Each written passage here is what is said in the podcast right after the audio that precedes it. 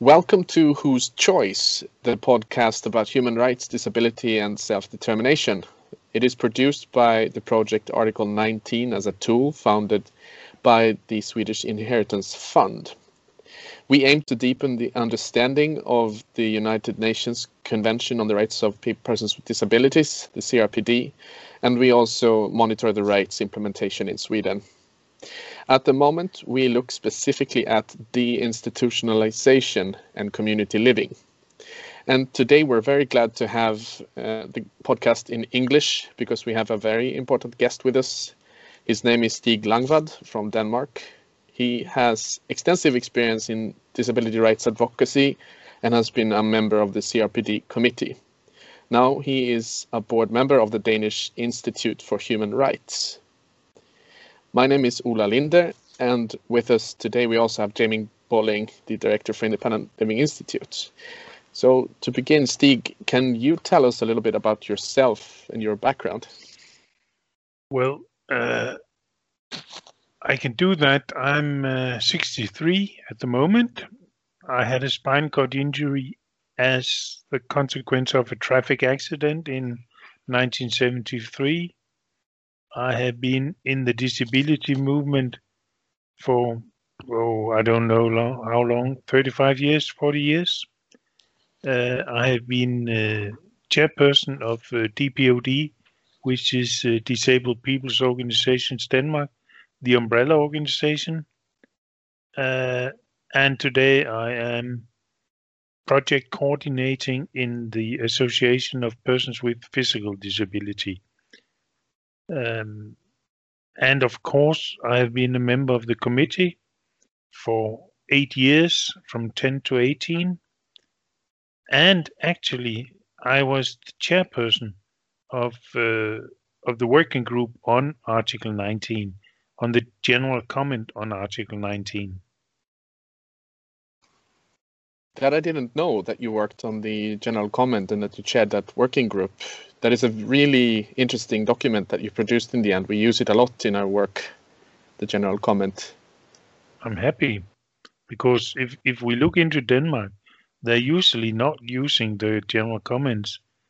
And, and I think it is quite relevant because it unfold the small article and makes it much more uh, workable and much more concrete and have much uh, information on how things could be done or what to consider.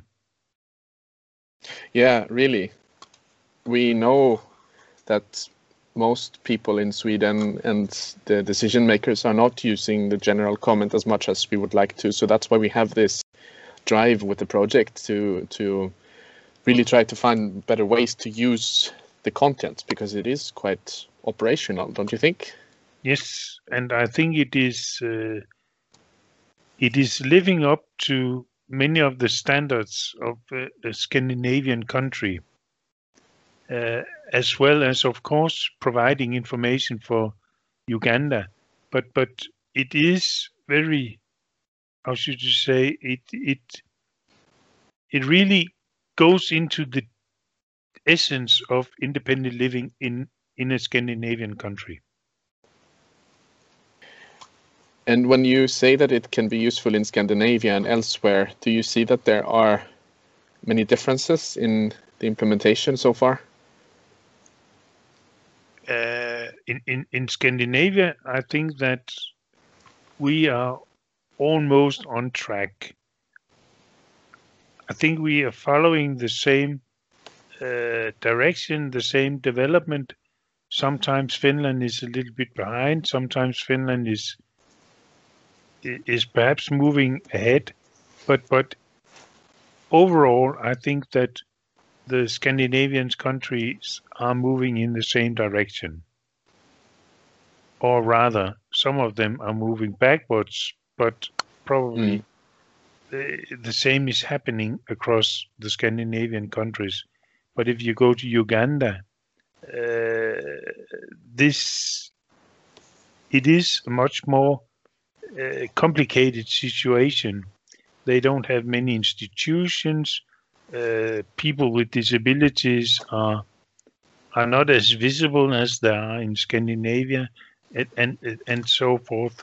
But I do think that the right to be living independently within your community is as essential to Sweden as it is to Uganda. Oh, indeed. It is a universal right, the right to independent living and community yep. living, as enshrined in the UN Convention as part of the convention yeah. text. Is that something you've also met I'm sure, in your work that some people say that, you know, the convention is the legally binding document, but the general comment isn't. What do you have to say to that? I think it's a part of the same because, from my perception, the CRPD is legally binding if you have ratified it. Yes. And the general comment is based on the jurisprudence of the committee, based on human rights, based on a lot of uh, different sources, and are adding to the understanding of the article. It is not uh, enlarging the article, the consequences of the article. It is it is merely uh, indicating what to live up to to fulfill the rights in the article. Mm-hmm. Some things are very clear, I think, in my opinion, at least when I read the texts, that it traces back to the convention uh, text. Some other things are sometimes a bit more to the side of things. For example, a very interesting thing is the definition of an institution. But but there is no definition of an institution. Uh-huh. Because because I mean everything can be an institution. If you are deprived of the right to to decide yourself, if you are deprived the right to to to mix with other people or the ability to to to to mix I mean, if in, in, in Denmark we have home care, but home care is coming when the home care is coming. Yeah. Uh, perhaps at 11, perhaps at 10, perhaps at 9. And I mean, that is an institutional frame because you are not able to do what you want, when you want, and with whom you want. So, so that is an. I mean, then you are in in, in an institution even though you are living in your own house. So it's not about a physical arrangement and it's not about a geographical phenomenon, but, but it is about the ability to be included in your community, in your local community. Yeah, and that's the definition, or that's the that's those are the words that come out in the general comment that you say these things that you're saying now too. You can trace that in the general comment that it's not about the size of your house or if, if there's a specific or, or the number of people you're living with or mm-hmm. whom you're living with but but more the right to choose who you want to live with and where you want to live and how you want to be active in your community yeah and that I think is really interesting. If if we understand institutions in that sense, then I don't really agree that Sweden is living up to the um, obligations under Article 19. Just like you're saying, many people don't experience control over their services and can't exercise control over their lives. No, I agree that in general there are many limitations on what a person can do and when he or she can do it.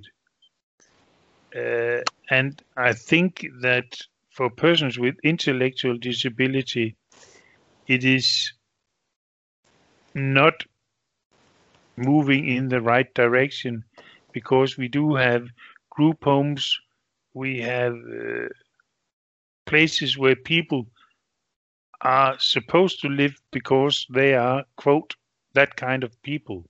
Yeah. Um, and and thereby, I think that we are far away from from from uh, living up to the to the CRPD Article 19. But having said that, I think that the situation in the Scandinavian countries are more or less similar.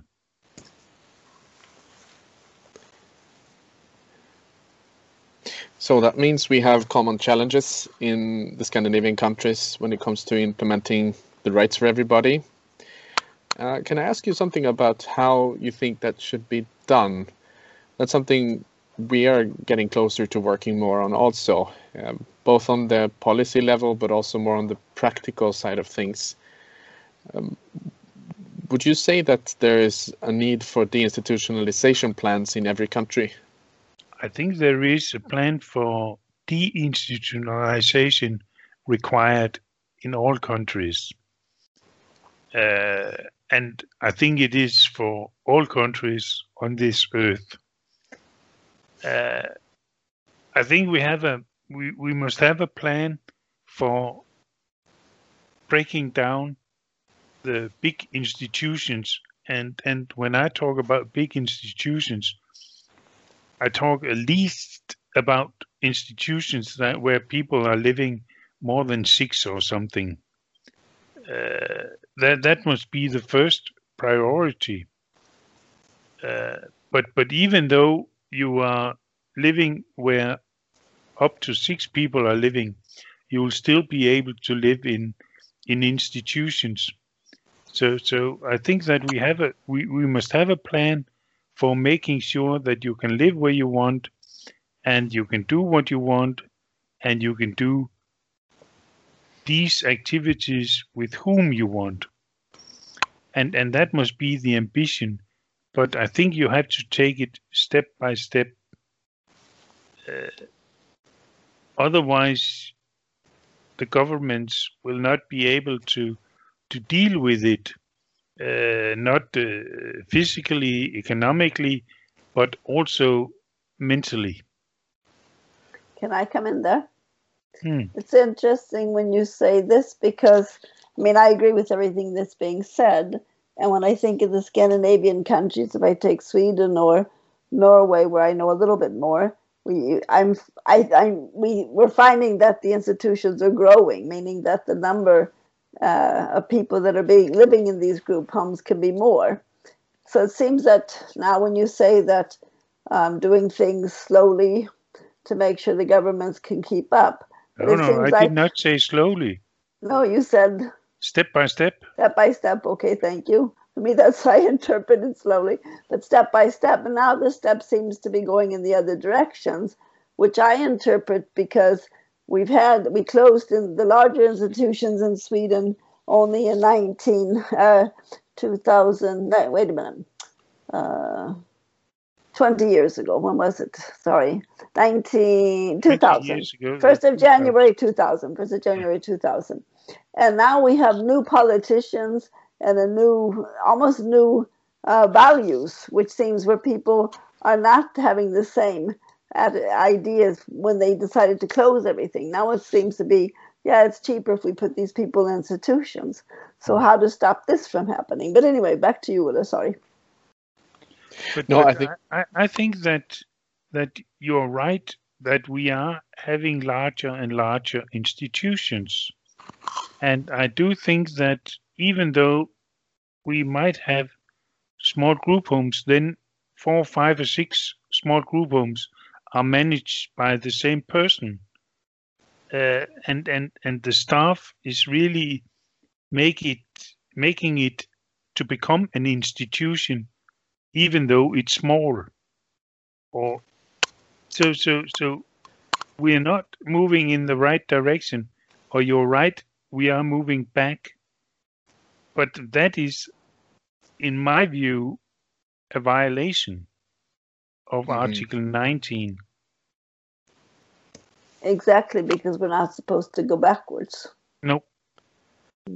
And we and we should use the available resources or even a substantial amount of our available resources on this deinstitutionalization, as well as we do within EU. Uh, the, the, the money from EU, the European Union, is also supposed to be guaranteeing deinstitutionalization, but only to a certain level, unfortunately. I think that uh, when when I look back, 25 years ago, we had a common understanding on where to go. We had a common understanding on what persons with disabilities are, what they require, what they need. But somehow during the last 25 years, we have lost this mutual understanding. Uh, so, so I think we have to reinvent the this among politicians, among civil servants, so that they really understand that this is not sufficiently to be given the ability to live in institutions or institutional setups.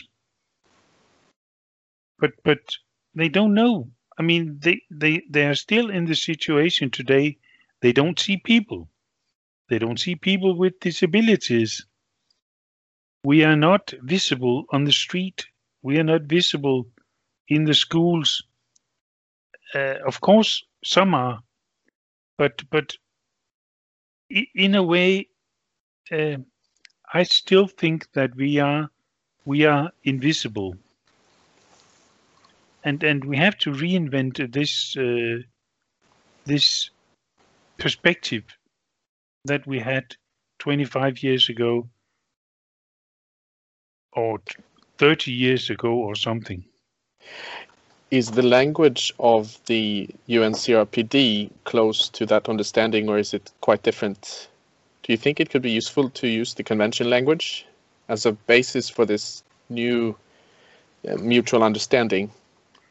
I think that uh, the the es no no not the essence but the intention, the the language, the everything is in line with this conception, perception. I'm, I'm sorry, um, but if you go to the politicians and say, according to the CRPD, then I think it is on on on a way or on a level where they are really not coping. They're not really understanding you. So you have to translate it into something that they can see, something they can relate to. Uh, so, so you cannot just attach the CRPD to everything. I think you have to translate it into to to to reach the minds of your politicians or your civil servants. But but they, I mean, they have ratified the convention. So when they ratified the convention, they are to follow the what what is in the convention. And that's what I think is very interesting with the positive impact of ratifying a convention while at the same time finding a reluctance in following through on the promises. I think that uh, they are afraid that it will cost too many resources, financially resources, human resources. Uh, mm. But but I agree that when you say A, you have to say B. I mean, if you ratify, you have to do something to live up to your promises. Yeah, otherwise the ratification becomes fairly useless. Worth, worthless. Yeah. yeah. Yeah. So it is true we have to work actively with not only saying that this is a convention obligation, but rather finding other ways too. I think that's a very interesting reflection on, on how we can better use the CRPD in practice Um, we have a campaign now, not us directly, but there is a campaign in Sweden that uh, are are um, demanding that the CRPD should be incorporated into Swedish law. Yeah, that's a Which- good idea. Think so? it- yeah, I think I think that when you incorporate it into the legislation, the relevant legislation, mainstream it into all legislation wherever it's needed, uh, I think that it becomes a part of the direct tool, the daily tool, uh, and and the daily understanding. Uh, in, instead of having something very fluently or fluffy, uh, like a convention, ah, that is not really something that we should deal with. Uh, but but we have seen it when it is incorporated in legislation. We can see that it makes a change. I can give you an example. Uh, in the European Union, in 2000 2001, we had the non-discrimination at the workplace directive Yeah.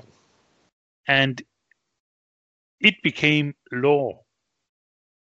It is to be followed by every member state of the European Union. Uh, I don't know how it is in Sweden, but I can tell you in Denmark, it have made a significant change. People are much more aware. Not not that people with uh, disabilities are unemployed, but they are not being um, they're not being sacked because of their disability anymore. Yeah, we can, I think, say for, for sure that there has been a positive impact of the EU directives, especially in the labor market when it comes to discrimination.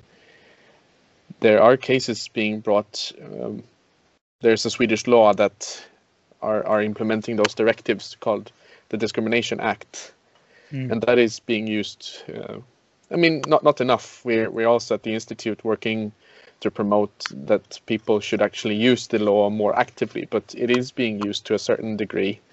And we know that if people find the resources to litigate, then it can be effective. But but having a law on non-discrimination is probably not as strong as having each of the articles or the relevant articles incorporated in the specific laws regarding environment, regarding transport, regarding employment, regarding education. I think it is much more effective if it is incorporated in the specific legislation. But but can you have both? That is excellent. Yeah, I think it should be possible to do both.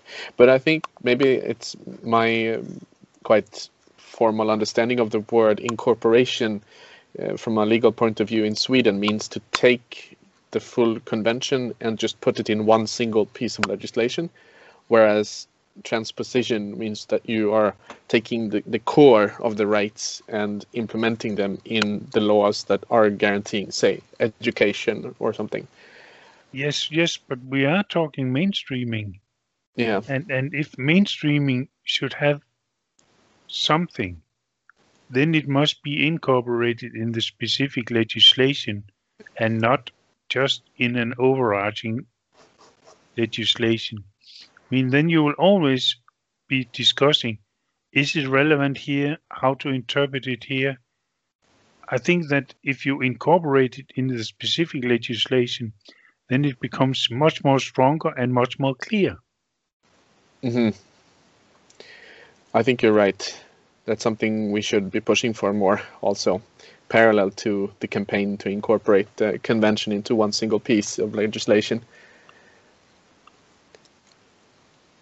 Do you have any good examples that you've seen on, on doing this? Specific articles? Ah, I think that not not on Article 19 or perhaps some part of it. I mean, in in both uh, Norway, I think they have ratif no, not not ratified. They have law on on independent living. I think Sweden they have it. In Finland they have it, in Denmark they have it, and and that is to some extent examples on uh, ensuring at least someone to be living more independently within their local community. Uh, I think that I can see it on uh, when it comes to voting on democratic rights. I can see that uh, the the law on on on voting is is also uh, changed in wording because of the of the CRPD. So I I see things happening, but uh, things are happening very slowly. And as Jamie said a little bit before, things are also moving backwards. Um, in in reality, even though that we sometimes uh, gets gets our rights, but under less uh, privileged circumstances. When you refer to those countries and independent living legislation, you're meaning the legislations that allow for personal assistance. Yes. Okay, yeah. Which there's other countries as well, but that is one really main thing that if you yeah for many of us without personal assistance you wouldn't be accessing your rights because you you wouldn't get very far in the society. So it is very important that, that's right. Then it then it will be just like john callahan. She won't get long on foot. Yeah exactly. Oh. oh yeah the definition on personal assistance that is given in the general comment is really interesting. And uh, even though we have these laws in Sweden regulating that you can sometimes have the right to personal assistance, it is not as generous as it would seem that the Article 19 under the CRPD requires the state to provide. And and and today I think that persons with physical impairment um, are better off than the rest in in in having the ability to choose who they want to be assisted by and uh, when they want to be assisted. Uh, but but then again if we look to Jamie uh, she's not depending that heavily on on on personal assistance as I am. And and thereby she's been discriminated uh, to a much larger extent than I am because she can only go out with her family or in in occasionally with other ones. So so so so I think that we should be much more focused on explaining that there are many that are suffering from from from not having the uh, ability to participate in your society. And I think that Article 19 is not more about is not so much about where you live, but much more on how you live. And and you need to be sure that you can be included in your society because it is an article on inclusion. Yeah. Full full participation. Yes.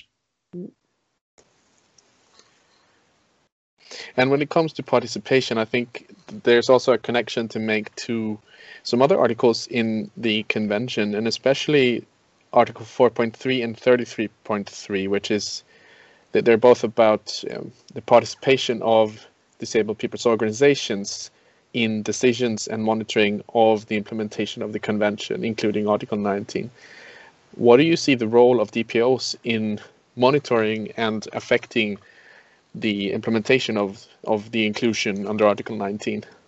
Well, well first of all, in in Article 4.3, it is mandatory for state parties to involve organizations representing persons with disabilities in decision-making processes, in planning, in deciding on the legislation. So, so it, it they have to to live up to what, what the disability movement calls nothing about us without us.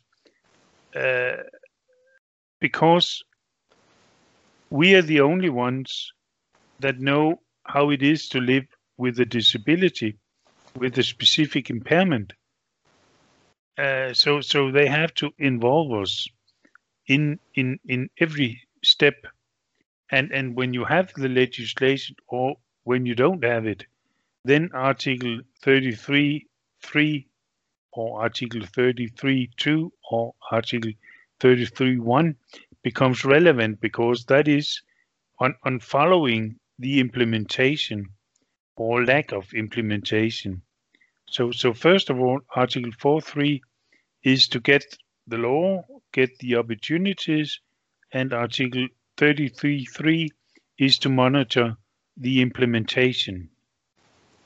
And you can't do that without involving the organizations of persons with disabilities.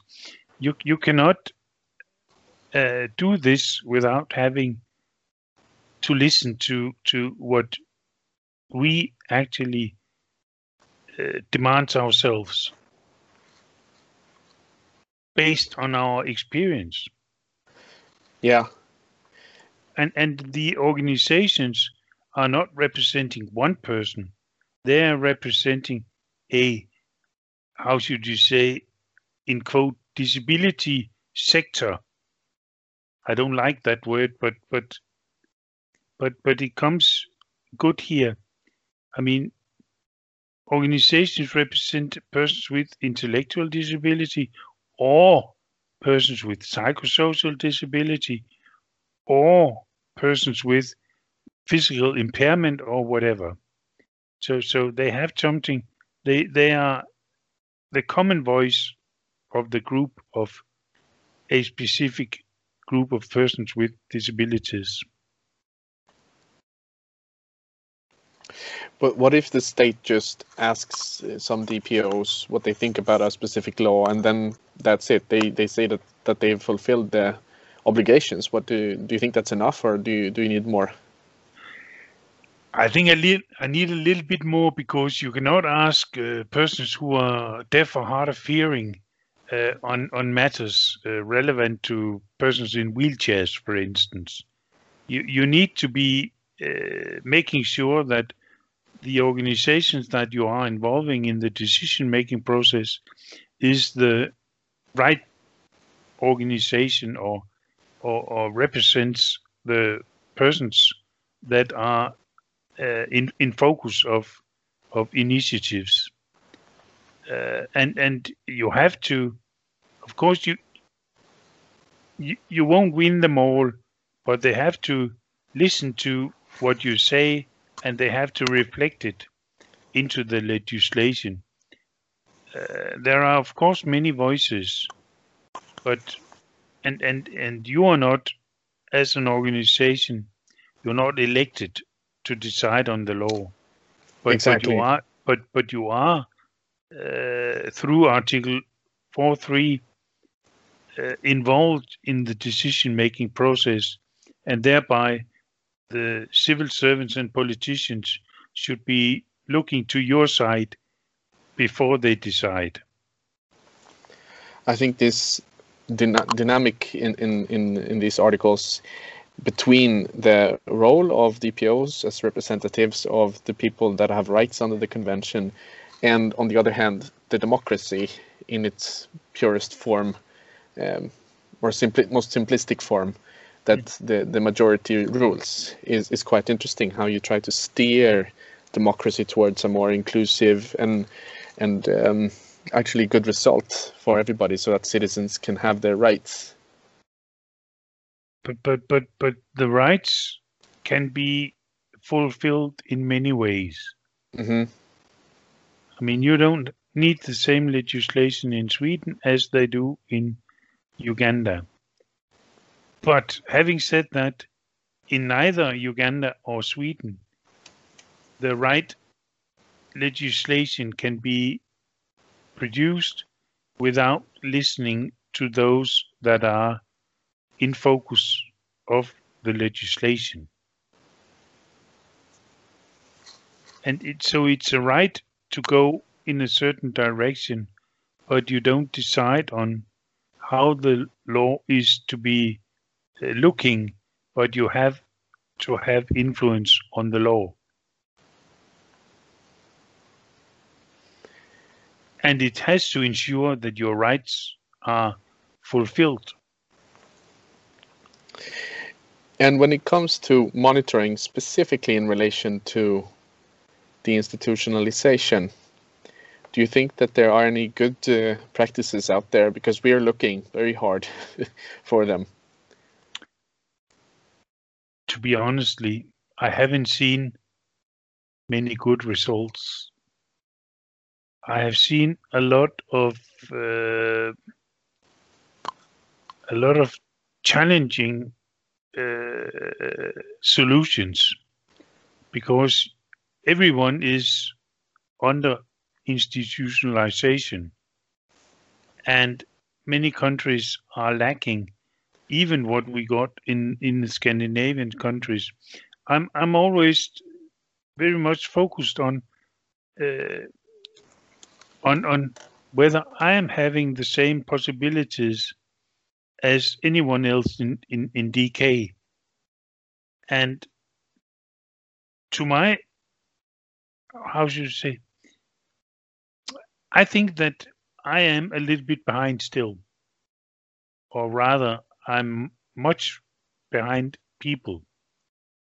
Uh, in my freedom, in my choice, in the amount of uh, support I can I can I can get so as long as I am not diminishing the distance between me and others, then I think that the solution is insufficient. So, so to be frank, I don't think that I can say that this country is doing something very special because everything is uh, institutionalized and going back to what we talked about earlier, then the development in Scandinavian countries, which should be spearheading this process, uh, things are moving backwards because we are getting larger and larger institutions and we are getting more and more rules to follow or things that uh, limits your personal autonomy. When we talk about the institutions, I'm thinking that there's a trend in the other countries, European countries, where um, in order to close the larger institutions, they're, they're, they're doing they're building the small group homes. Sometimes these group homes will be ten persons or more, and I'm so much against that because they're too big to start off with. But the group homes, which were used even here in Sweden to close the institutions, they seem to be, they'll probably already always be here. Or do you think we can get away and one day be able to close even the group homes, which are still institutions? But but if you build a house today, how long do you think will be before you have to build another one, a new one? I mean, they will stand if if EU is hung in Hungary are building institutions, even small group homes, they will be there for the next 50, 75, 100 years. And then you will have this we need to use the buildings syndrome. And and thereby the possibility to to move in the right direction becomes much smaller because we have the buildings and we need to use the buildings. And then people will be living in institutions for the next 50, 75, 100 years.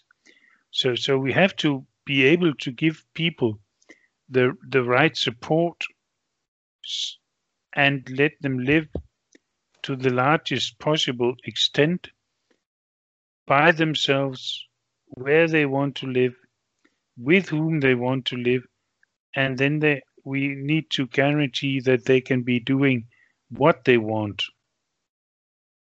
I think we have to, to take the first step and begin to think in that direction in, in, instead of going by and say that institutions can be one step or stepping stone on the road to, to independent living. I think it will delay, but that is my personal opinion. You can't find that in in in in Article 4.3, but that would be my advice to the government. Mm-hmm.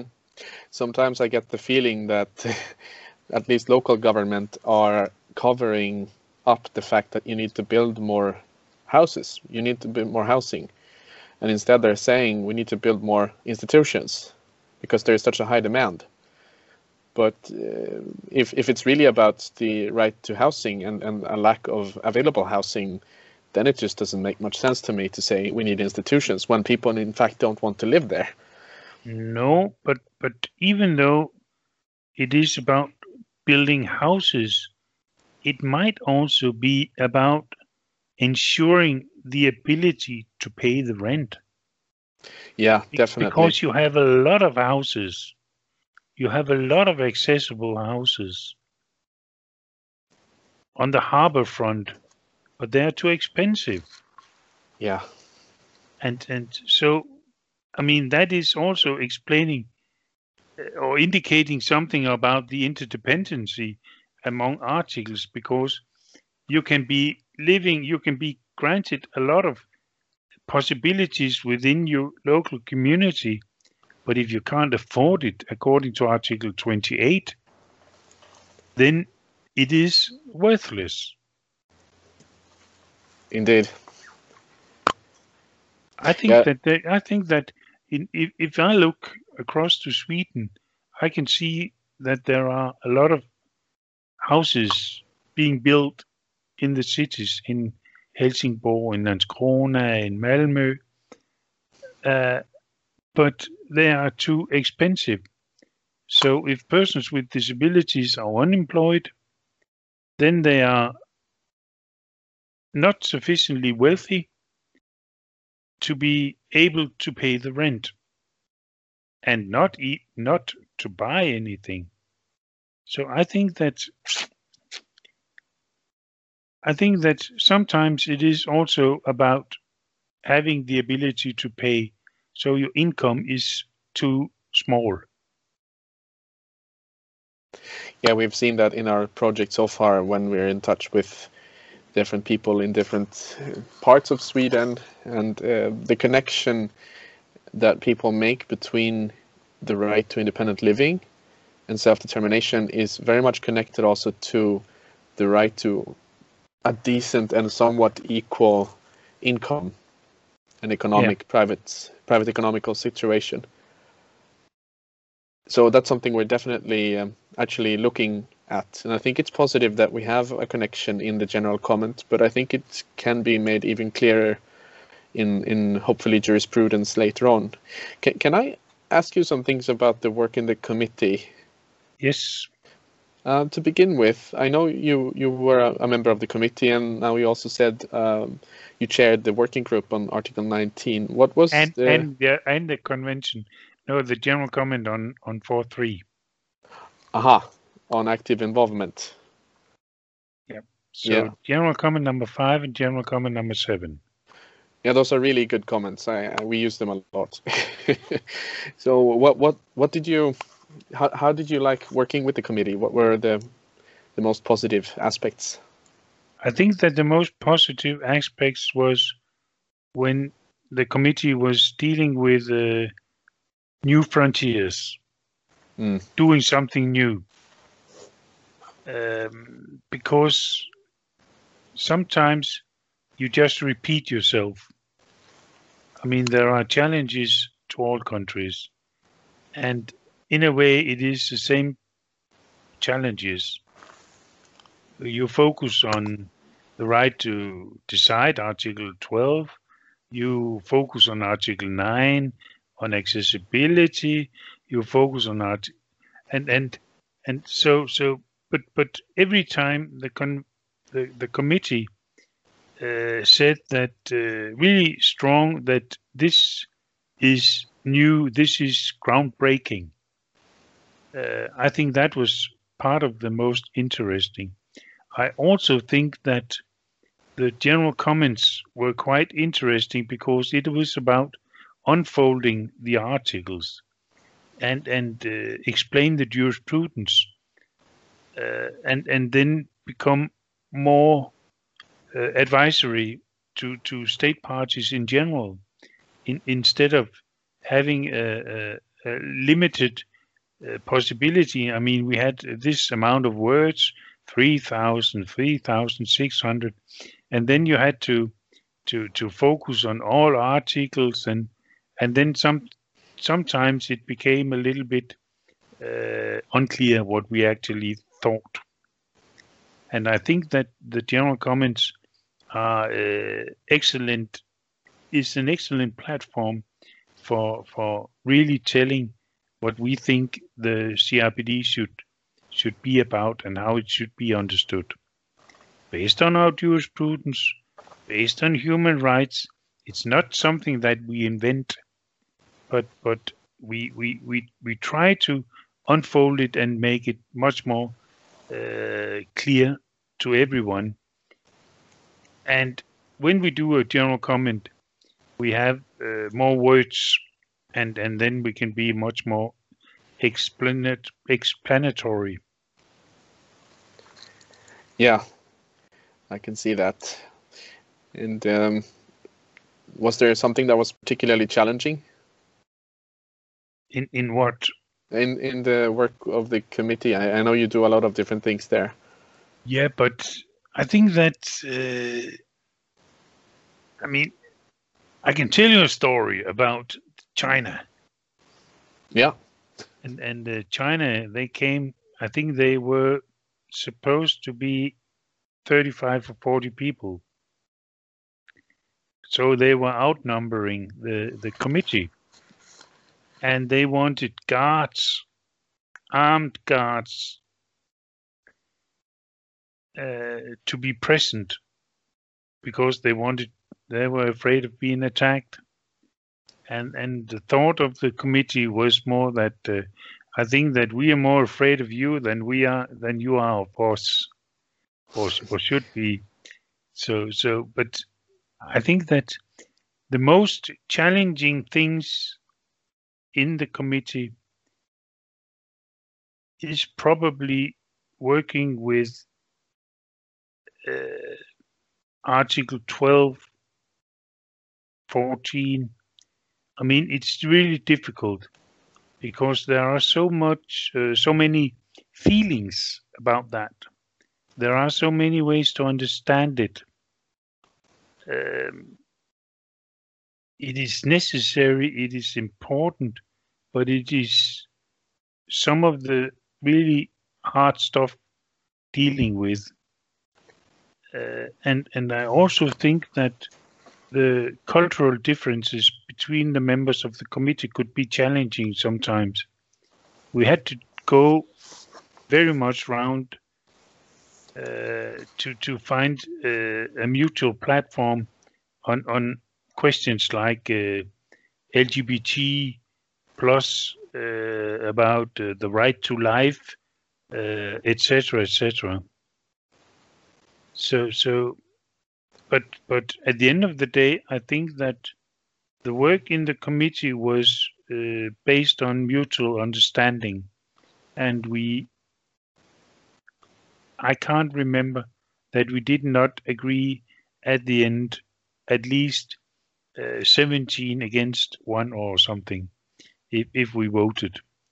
But but we it was very very seldom that we did vote. I think I can remember two or three or four occasions where we voted. It is quite unanimously. Yeah, that's interesting. And uh, just to clarify, Article 12 is about the right to legal capacity and yes. to to actually be um, a deciding person for your own person. Yeah. And Article 14 is about the right to liberty, freedom, and security of persons, so that you are not, um, you, so that your liberty is not being removed forcibly by somebody. Could you say something because we have some cases here in Sweden and some confusion regarding the rights. Um, because when a person is living in an apartment or somewhere, but is not provided sufficient support, say personal assistance or something similar, so that you can actually go out and live your life in the community. I know legally it can be challenging to claim that there's a removal of liberty, but the effect can feel quite the same on a person that is confined to their house.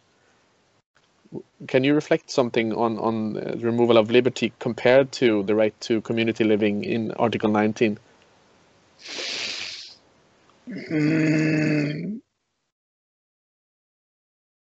I think that we we often have this problem about having some rights and but but not what we actually think ourselves is necessary.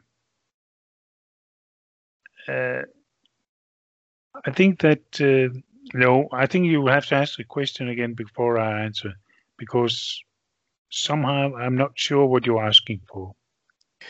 No, it's a quite hard thing to define uh, because on the on the one hand you have the right to community living, independent and community living, which requires your choice of where and with whom to live and the right what to adequate do and services. when, uh, yeah, yeah.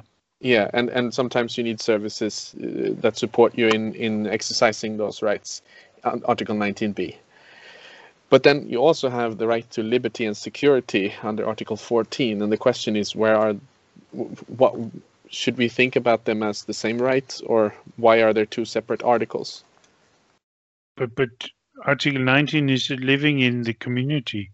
The other one is about the arbitrary deprival of of, of your liberty uh, based on disability. Uh, uh, as far as I recall, yes, I think Article 14 is about uh, uh, uh, penitentiary jail, psychiatric institutions, etc. So, so that is about uh, the right not to be uh, sentenced or uh, to living in institutions for persons with psychiatric uh, impairment.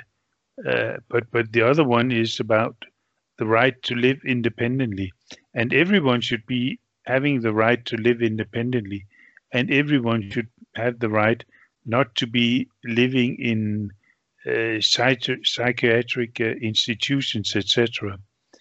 Um, I think that you have to to to read the CRPD uh, as one mix of uh, interdependent uh, articles because uh, Article 12 about the right to to to to express yourself, to to choose yourself, to to everything is a fundamental to to living in the community.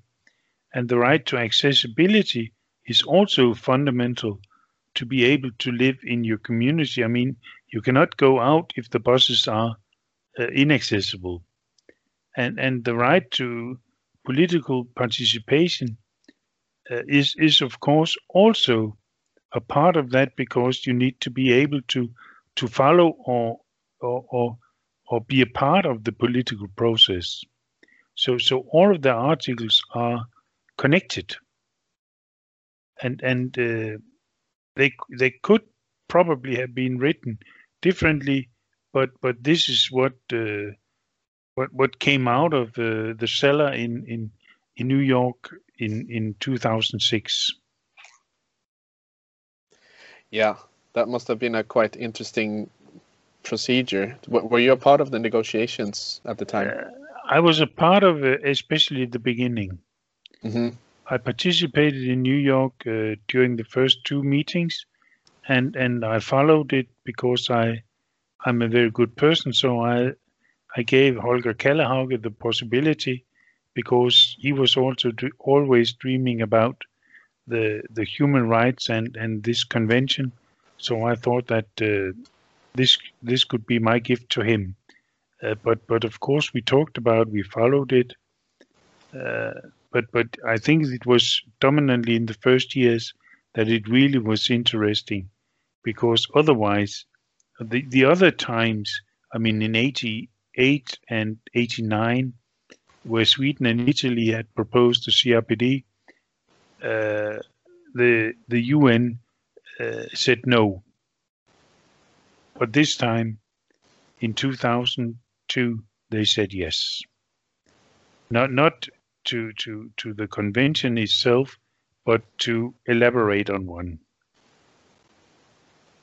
Yeah, and then in 2006, the final product was adopted, and then Yes. we've been working with it ever since.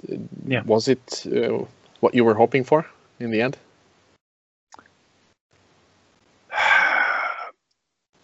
I think that taking into consideration that the CRPD is told to be uh, disability language of all rights that you have today, I think it is quite good. I mean, you are putting all the rights that everyone have in disability quote language.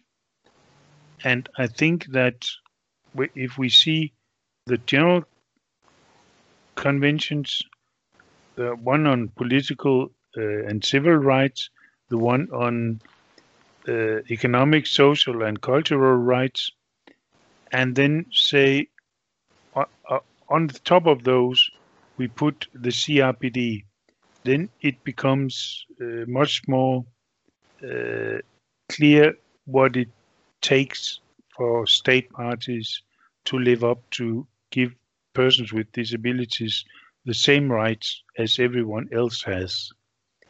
But having said that, I still think that we are having some way to go before persons with disabilities are having the same rights as everyone.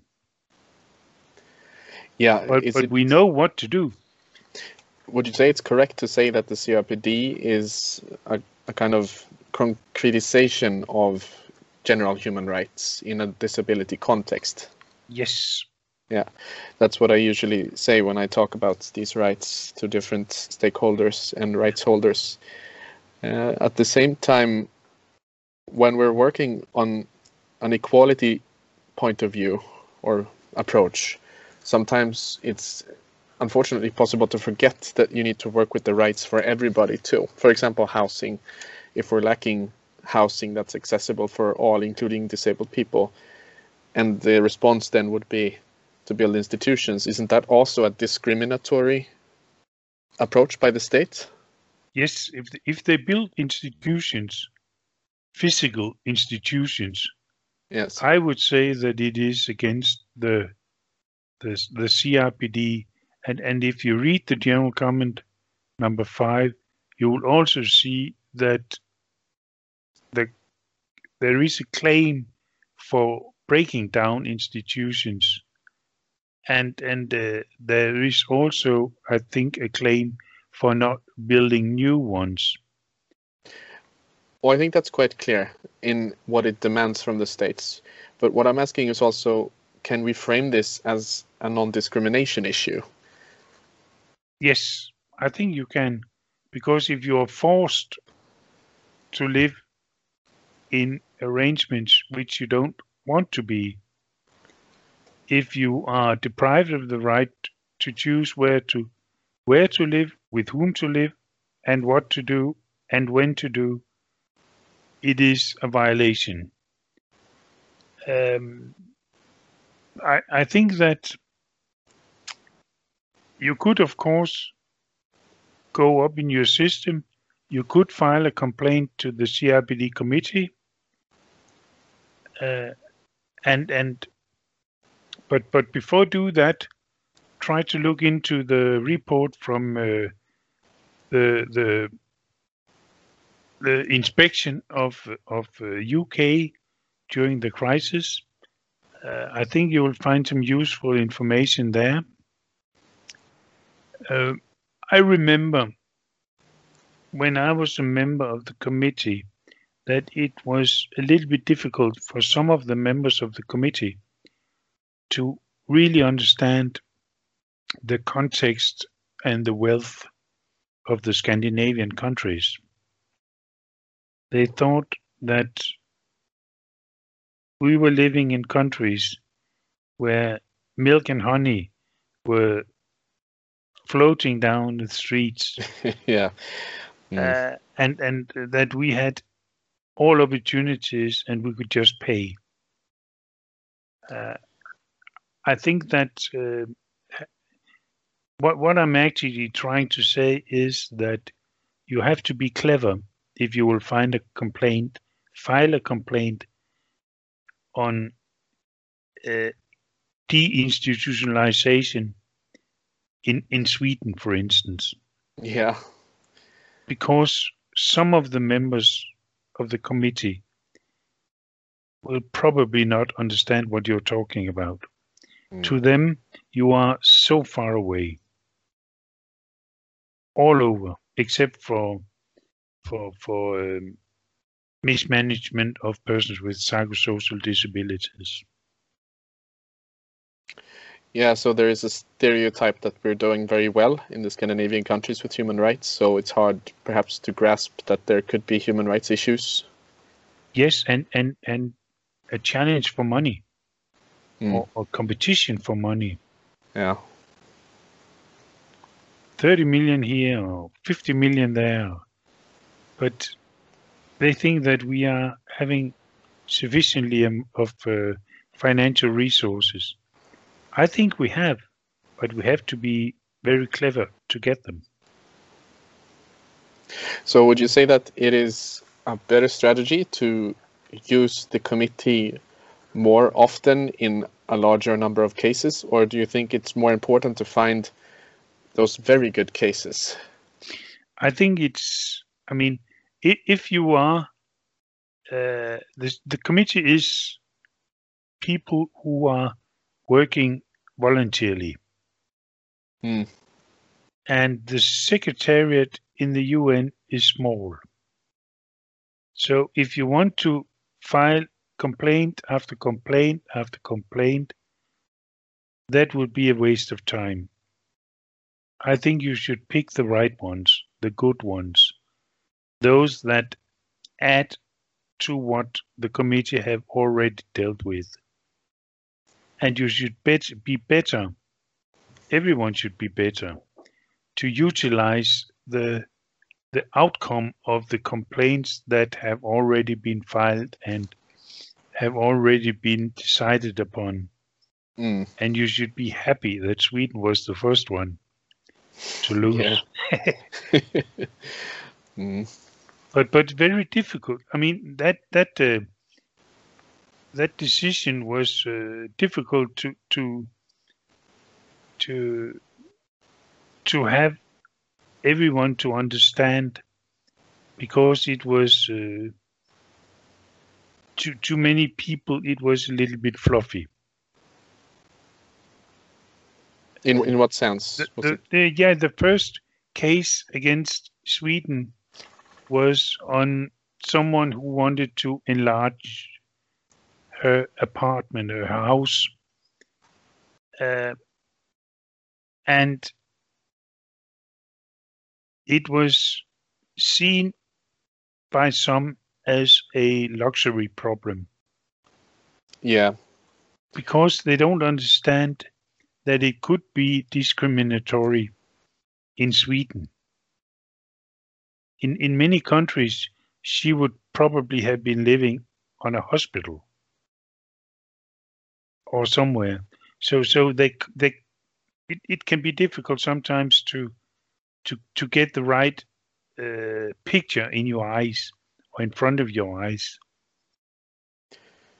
But if I remember correctly, the committee said that there was uh, violations yes. in that case. But the problem yes. wasn't with the committee in that case. The problem was with the government then implementing this because yes. they didn't.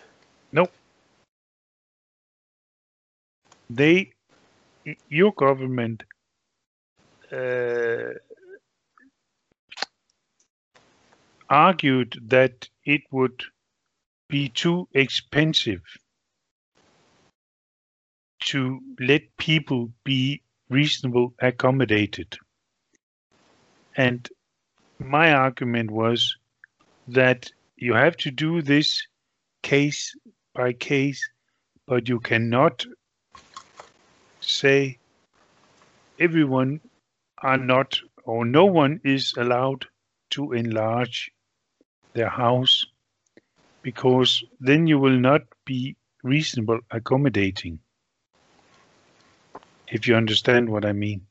Yeah, I think so, because if I read the convention and the comments correctly, the word reasonable is not about the the question of costs. It's about whether or not this can actually allow for a person to have the rights in different ways, and that in after, different ways, and that that is very essential. Yeah. essential. Yes, exactly, because it's meant to, to look at the individual situation, and reasonable accommodation is something you do in the individual situation Yes, compared to general accessibility measures. yes, Uh-huh. So yeah, I agree with you that there, there is generally a, a quite difficult path you have to take when you want to demand reasonable accommodation in Sweden. We haven't really incorporated the concept into how our general system works. Nope. It's it's more The- about the- state the Dani- responsibilities. Yeah. the Danish law on non-discrimination on the grounds of disability is not having included neither accessibility nor reasonable accommodation to its full extent. Oh really? Yeah. So it is just about having people who are or looking on persons with disabilities and saying, "Oh, you're nice." No, it's not that bad, but but you see the the the, the perspective uh, or the paradox. What is most essential is not included within the legislation. Yeah. And you're trying to cut off the real change and instead giving the small things that Yeah. don't really cost and what's actually just very indecent that could be covered by the uh, non-discrimination laws that that's something that can be covered but the real change i think you're right and coming back to the discussion on on implementation of, of the convention and actually taking rights and, and mainstreaming them into other laws uh, that guarantee them for the general public too is, is a, a better way than simply talking about non-discrimination laws because then you usually get stuck in in, in uh, these misconceptions about Yeah. reasonable accommodation and Then, accessibility then they will look at you and say, "No, we are not discriminating," yeah and you will say, "Yes, you are discriminating." yeah In, in, instead, you have to to make good pictures, saying that when I'm not able to do ordinary things in the same manner as you are, then it is actually a violation of my rights. But Yeah. but again, it is only reasonable. So you cannot demand everything. You can demand what is reasonable, proportionally, financially. so are there any kinds of individual cases that you would like to see reach the committee even though the workload is high high and people work for free generally I think it's difficult because I have not seen the the latest uh, uh, complaints. Uh, I think that the best way of utilizing your ability to complain or file a complaint is probably from my perspective, is to focus much more on those that are mostly deprived or most deprived of their rights. Uh, persons with intellectual disability, persons with uh, psychosocial disability. Uh, but but that is my opinion. I, I, haven't made an, an uh, analysis of the of the cases pending. Uh, but but I think you should definitely go for clear cases and new cases. That is very interesting. We will be thinking about that as we go forward, definitely. And in the in the coming years, what do you see as the most urgent need for change in, in realizing the rights and promises of the CRPD for all? I think that what I, I told you a little bit before, I think it is about having a, a same vision. We have to create the same vision. In EU, we had the Helios program, Helios 2. I think it ended in 1976 or 1977. No, 96 or 97, I think, yeah. Uh, I think that uh, what what came out of that was a common understanding across all European or, or the member states from from that time about uh, rehabilitation, about uh, the right to self-determination, uh, the differences between persons with different kinds of impairment, visibility, etc., etc. But somehow we have we have lost it, and and I think we have to reinvent this common uh, understanding. So it because those that are to give you the rights if they don't see persons with disabilities as individuals with rights, then it is uphill.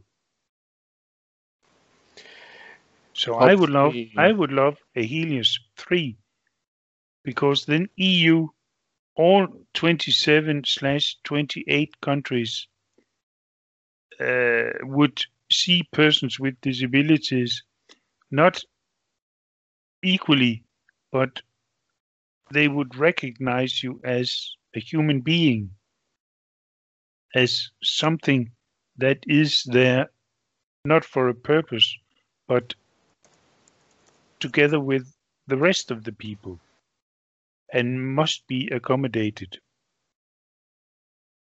I hope you understand what I mean. I think that the convention is in a certain sense doing this. But the problem is to have the convention being understood on a broader scale as doing this. Um, because if, if you say that the, the convention isn't enough, then I suddenly don't really know what to do with it. No, no, no. I, I say the convention is enough, but before implementing it or to to to really advance in the direction shown by the CRPD, I think we need a mutual understanding. Jamie, do you have something to say on that? I was thinking I can understand that, and somehow I realize how far we're away when I can't remember who I was speaking to, but we were talking about the UNCRPD and General Comment Number Five, and somebody's response from another country was, "That's just a wish list. Wish list." And if you see it as a wish list rather than seeing it as the explanatory, the explanation of the rights that disabled people have, then we're just so far away from this common understanding. So I agree with you. I was active in the Helios project back in 90s, and somehow it would be to again have bring back the values, uh, yeah. a common value towards disabled people would be needed because it has been. You kind of, sometimes in history you go up and then you go down and we were up at the top maybe then, and now it's gone down when people can say the general comment is a wish list rather than seeing it as something that needs to be implemented. So I do agree with you. This common understanding has something we need to work on again, which means, as you're saying, um, Ula, that we have the the convention, which is which is the understanding, but then having it broader. I mean, having people know about it and understanding it. I think I think at least having the right ones to to know about the CRPD, but have the general public to understand the needs and the presence of persons with disabilities. I don't think that your neighbor should be aware of the CRPD, but she should be aware of your qualities and your rights to be living independently. She has to be much more uh, concrete to her. But the politicians, the civil servants, should know that the CRPD is there and should live up to it. And and the wish list uh, is, in, in in my view, in the committee's view, Uh, essential to be living up to grant you the rights that you are entitled to have or that you have just by being in person. I think that's a good way to start rounding off this discussion to get back to the core of the convention that everybody who is human have the right to be a part of the general society and have rights under the human rights regime mm. against each other and against the state and that the committee's work is very valuable to us in actually making this um, a bit more operational so we're very grateful for your work in the committee. Stig, uh, is there anything else you would like to add to the discussion now? I think we have done most of the topics. I think that we have been around almost all, all that could be said at this moment, and and uh, we could of course go into depth with other articles, but yeah. today it is about Article 19, and I think that we have covered uh, many uh, important aspects regarding that article. Thank you very much for taking the time uh, to talk to us about these issues and the rights.